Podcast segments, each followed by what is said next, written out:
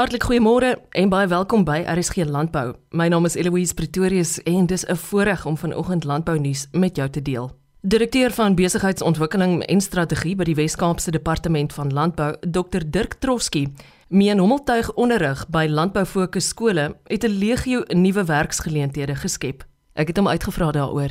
Maar een baie spesifieke een Dirk het te maak met 'n potensiële toekomshandleiding oor hommeltuig gebruik spesifiek by skole. Hmm. Kyk, dis iets waaroor rondom ons nou nog sukkel om ons kop te kry. Ons weet as jy 'n hommeltuig het, kan jy die hommeltuig vlieg volgens stokperdjie reëls. Jy's nou op jou plaas in die Karoo en jy kyk na jou skape en so aan. Dan dan jy nie 'n lisensie nodig nie. Maar daar's 'n 'n hele aantal snellers wat as jy daai snellers aftrap, wat beteken dat jy lisensie nodig het.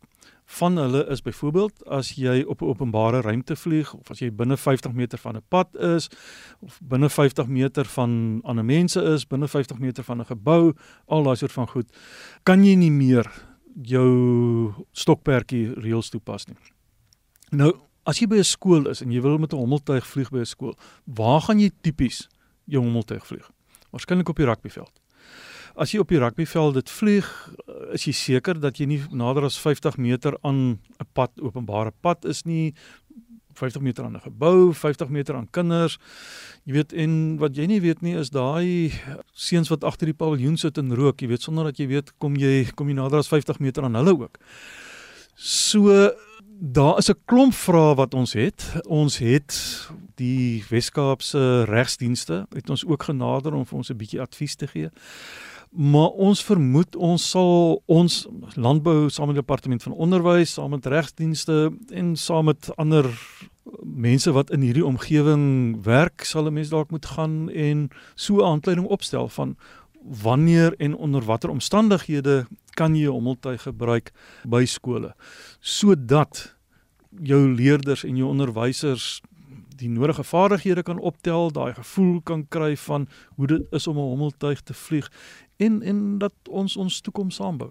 En daardie vraag het ek baie spesifiek aan jou gerig Dirk, met die hoop dat ons toekoms-entrepreneurs hulle ore gespits het en vir ons weliswaar so gou moontlik by by 'n antwoord kan bring.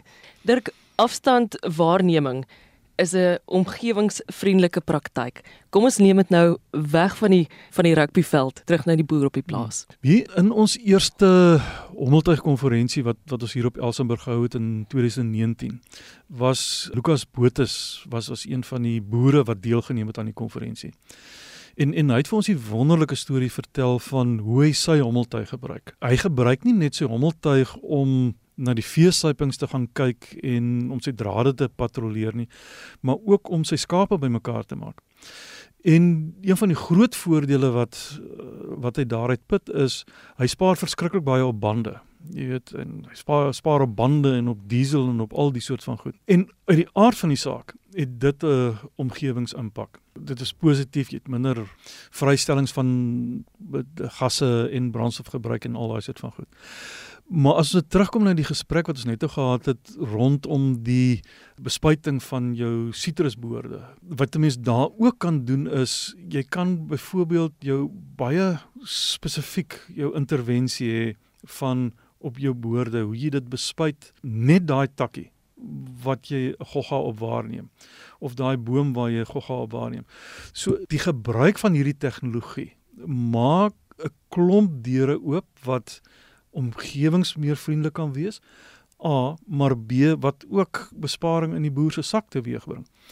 So ons moenie dink dat nuwe tegnologie net koste gaan teweegbring nie, net werksgeleenthede gaan uh, vernietig nie ons skep nuwe werksgeleenthede, dit kan besparing vir boere teweegbring en dit kan omgewingsvriendelik wees. So ons ons kan sommer 'n klomp vliee met een klap hierso doodslaan uh deur hierdie nuwe tegnologie tegnologie te gebruik. Dirk, waarom is 28 tot 31 Maart 'n datum wat ons moet omsirkel op ons kalenders?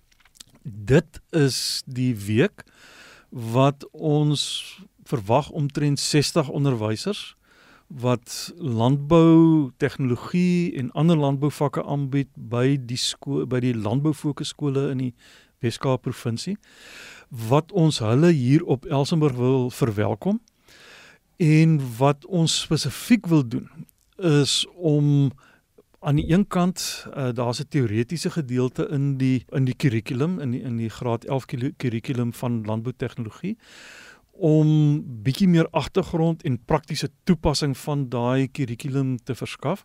Met ander woorde, as in die kurrikulum gepraat word van afstandswaarneming, wil ons dit prakties maak. Ons wil hierso van uh, ons beamptes sal met 'n hommeltuig vlieg saam met die onderwysers afstandswaarneming doen dit verwerk, byvoorbeeld die opmetings doen, dit in 'n driedimensionele model voorstel en en daai soort van goed. Sodat dit vir die onderwyser nie meer net 'n teoretiese gedeelte bly nie, maar dat die onderwyser saam met ons tydens daardie periode deur die volle stappe gaan.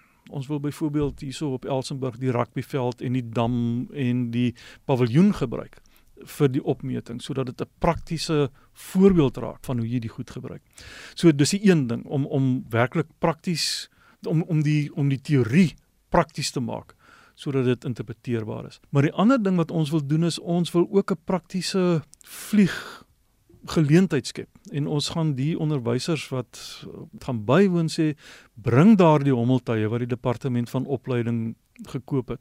Bring dit saam, ons gaan 'n praktiese vlieggeleentheid hierso reël waar daar saam met tegniese mense gevlieg kan word en die praktiese gedeelte daarvan kry. Of weer eens om vertroue te kweek sodat die vertroue daar is om by die skool dan nou te vlieg en ook dan nou die leerders te help in die, in die proses. So hierdie hele proses gaan onder toesig wees van gekwalifiseerde instrukteurs wat die nodige ervaring het.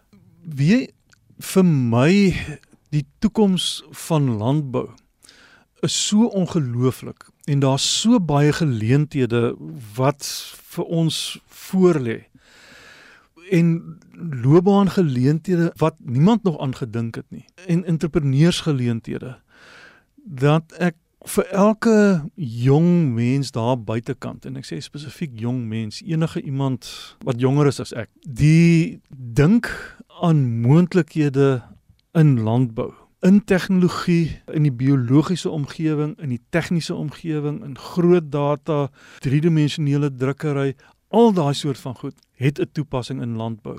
En ons het meer jong mense nodig wat kan dink hoe hulle 'n lewe kan maak in landbou en hoe daai lewe wat hulle kan maak in landbou tot voordeel van die mense is wat kos eet, wat uh, klere dra en ander moontlike geleenthede, toerisme, ontspanning, al daai geleenthede, al daai fokusareas in in landbou. Daar is regtig 'n uh, ongelooflike toekoms in in landbou vir jong mense. Gebruik dit en gryp dit aan en druk dit aan die bors. Ek vind ook as 'n jy weet toegewyde en 'n passievolle landboujoernalis en skrywer, wanneer tegnologie en welwillendheid mekaar ontmoet, dan is die toepassing en die manifestering daarvan iets ongelooflik buitengewoon en waar dan nou beter as landbou om daardie tipe van ontwikkeling en nuutskepping in gewoontes en tradisies onder mense te observeer. Wat wat 'n mens kan sê is wanneer tegnologie en welwillendheid ontmoet, ontstaan daar geleenthede. So gesels direkteur van besigheidsontwikkeling en strategie by die Wes-Kaapse Departement van Landbou, Dr Dirk Troski. François Viljoen, wat die afgelope 36 jaar as wingerdboukundige gepraktiseer, het die prys ontvang vir wingerdbou en wynskepping tydens die jaarlikse wynoesherdenking op die Kaapse Wynlandgoed Groot Constantia. Ek het hom uitgevra oor wat hierdie toekenning vir hom beteken. Met my as as mens gaan dit baie goed. Ek is nog steeds op so 'n hoogtepunt. Jy weet maar na aanleiding toekenning wat ek gekry het en uh, dit gaan eintlik met my besonder goed. Ons is besig met parstyd dis mos ook 'n is 'n harde tyd, lang ure, maar dis mos ook 'n lekker tyd om nou net te sien hoe die blokke wingerde gepars word en dit wat jy wat hulle gewerk het aan heel jaar. Jy weet nou tot in die wyntanks kom. Ek wil jou nou juist vra, jy weet wat beteken dit vir jou persoonlik as 'n mens nou dink aan hierdie onlangse eer wat jou te beurt geval het en jy het dit definitief al gedeeltelik beantwoord ook, maar in jou werkslewe, ek is seker daar's 'n nuwe woema en 'n nuwe motivering wat ook daarmee saamgekom het.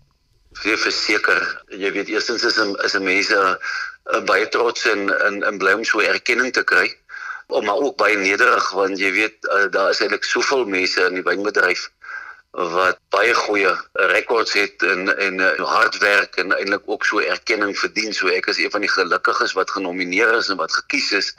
So jy weet dit is 'n baie groot voorreg en uh, en so ek sê ou staan nederig teenoor dit. Maar dit is so as 'n mens enige mens wil mos ook graag erkenning uh, kry. En as jy dit kry, gee dit regtig waar soos jy sê boema aan mense se se uitkyk in die pad vorentoe en met nuwe energie. Dit is 'n wonderlike inspuiting in 'n ou se se loopbaan in in werke goed. Baie opgewonde ja en ek ek moet sê het altyd die passie gehad die die werk en vir die wingerd en vir die wynbedryf so dit maak dit net nog lekkerder en meer bevredigend. Ek praat onlangs met nog 'n baie bekende wingerdkundige Rosa Kreur en sy sê vir my hierdie parstyd is veral 'n baie besige een. Ervaar jy dit ook so François?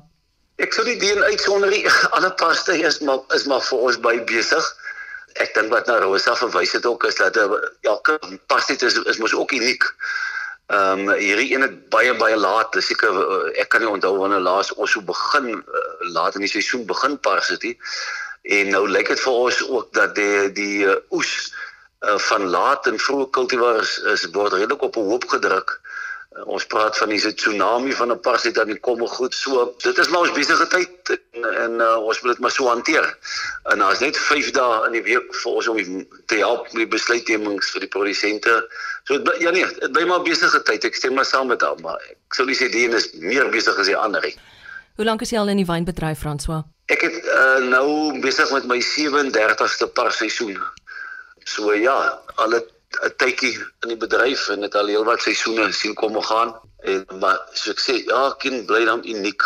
Jy weet vir jare het ons nou weer hierdie seisoen wat dit so koel was in die lente en die voorsomer tot Desember toe eintlik was dit eintlik ongekend koel.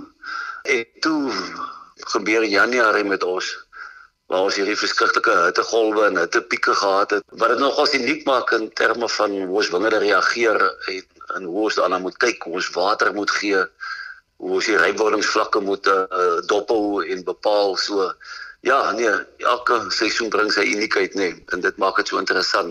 Vir iemand wat al 37 seisoene eerstehands beleef het kan jy dalk vir my kommentaar lewer rondom klimaatsveranderingstoestande wat jy eerstehands beleef het in jou loopbaan? Nee verseker ek dink uh, ek kan nie glo dat daar mense nog twyfel oor klimaatsverandering uh, nee dit is die, dit is al so bewys en en soos jy nou vra in my loopbaan ook. Uh, 'n mens kry maar te golwe in mos maar Januarie Februarie maar dit is so dat uh, dit gebeur elke jaar. Maar daar is ook sekere gebeurtenisse wat plaasvind in terme van die intensiteit van die hittegolwe in die intensiteit van ons reënpatrone weer onlangs ook uh in terme van die hittegolf wat ek nog net genoem het, maar ook die effek op ons wingerde en die, ons het 'n bietjie sonbrand ook gekry en ehm um, ja nee, dit is dit is hier met ons en ons sal ons moet aanpas ook met ons verbouingstegnieke en tegnologie om dit maar eenvoudig te bekamp en reg te bestuur. Hoe gaan ons aanpas met ons verbouingstegnieke? 'n Goeie vraag. Ek dink deel van my nuwe lewe uh, of of wat ek liever sê die laaste deel van my uh, loopbaan spandeer ook nou nogal heel wat daaraan en ons is besig met 'n projek wat ons noem die Gen Z of ons sommer spreekstaal die Gen Z projek en onder andere kyk ons na nuwe praktyke wat ook 'n belangrike fokuspunt is is ook na nuwe en ou kultivars wat meer hittebestand is, meer droogtebestand is. Ons kyk na uh, praktyke soos ryrigtings ons kyk na besproeiingspraktyke om jy weet as as 'n hittegolf op pad is hoe om dit te besproei en allerlei sulke manipulasies wat ons kyk om dit so regtig sê te bestuur. Jy kan dit jy kan dit beperk en antisipeer as dit as die hittegolf as jy weet dit is op pad. Want dis van die vinnig genoem van die paar praktyke of verbouingstegnieke wat ons dan nou eh, nie inspann en ook na kyk vir die toekoms. Afgesien daarvan, wat staan nog op Windpro se te doen lys in terme van doelwitte vir 2022? Ons doelwitte is maar om ons produsente met die beste advies te voorsien om te help uh, in in goeie besluitneming. Ons help ook met om hierdie nuwe inligting of dit nou 'n klimaatsverandering is en of grondgesondheid wat die groot temas nou is op probeer ook om die beste inligting, nuwe navorsingsinligting, tegnologie in te span en ook dit oor te dra aan hulle op platforms so studiegroepe, inligtings daar ook met ons demopersele wat ons dan nou vestig in die onderskeie streke om ons produsente dan op hoogte te bring en te bedien met die nuutste en die beste inligting, kennis en ondervinding ook. Die Suid-Afrikaanse wynbedryf het erg bloedneus gekry die afgelope 2 jaar. Ek as landboujoernalis ondervind werklik dat daar 'n nuwe positiwiteit is onder mense in die wynbedryf. Ervaar jy dit ook so? Absoluut. Dis hoekom ek so lief vir die bedryf is, die wynbedryf en sy mense want daar's net 'n nooit gaan lê uh houding met ons produsente en, en ons mense in die wynbedryf. Die tipe van innovasie, die kreatiwiteit, die nuwe planne is is ongelooflik wat die hele bedryf, die hele ketting eintlik uh mee werk en daar's altyd 'n energie en gaan nie lê nie. Ons ons ding nuwe planne uit en ons kyk na 'n nuwe seisoen en ons gaan aan as ek kan dit nie beter as dit uitdruk nie maar, maar dit is net 'n wonderlike uh, houding van ons produsente en ons mense en wat almal werk in die wynbedryf. So ons sal nie gaan lê nie. Ons staan weer op. Ons kyk weer positief. As weer nuwe geleenthede wat ons soek van die wingerde af tot in die mark. Uh, almal werk hard. Ja, as ek nou moet vinnig dink, dink ek nou sommer twee gedagtes wat my opkom as 'n mens erkenning kry aan jou loopbaan op die stadium. Wil mense altyd vir die jong mense en die jong aspirant wingerdboekundiges wynmakers of mense wat in die bedryf werk net sê joh dit is maar 'n passie wat jy eers moet kry. Jy moet dit ontdek en dan weet jy jy's op die regte plek en is harde werk maar sal altyd beloon word. Ek dink baie jong mense verwag te gou om harde werk 'n uh, beloning op te kry met salarisse en so aan maar uh, dit kom met die tyd. Bestuur en hou net aan met jou passie. En dan wil ek ook sê ek het hierdie toekenning uh, ons ons wingerd boekundiges is mos nog nie baie in die lig nie soos ons wynmaker ewe knee nie. En uh, ek is 'n spanmens, ek is uh, nie in die bediening so ek het ook hierdie toekenning vat ek vir die span. Die span van Windrou se hele familie maar ook vir al die wingerdboekundige afdeling uh, en ook vir die bedryf. Dit is wonderlik uh, ons het 'n wonderlike kultuur onder wingerdboekundiges. Ons bel mekaar, ons leef na mekaar, ons ruil kennis uit en so aan so. Ek vat sommer die toekenning vir die hele span. Dit dan bekroonde wingerdboukundige François Viljoen. Onthou môre om kwart voor 12 weer by my aan te sluit vir nog 'n aflewering van RSG Landbou. Ek is Eloise Pretorius en ek groet jou. Tot dan.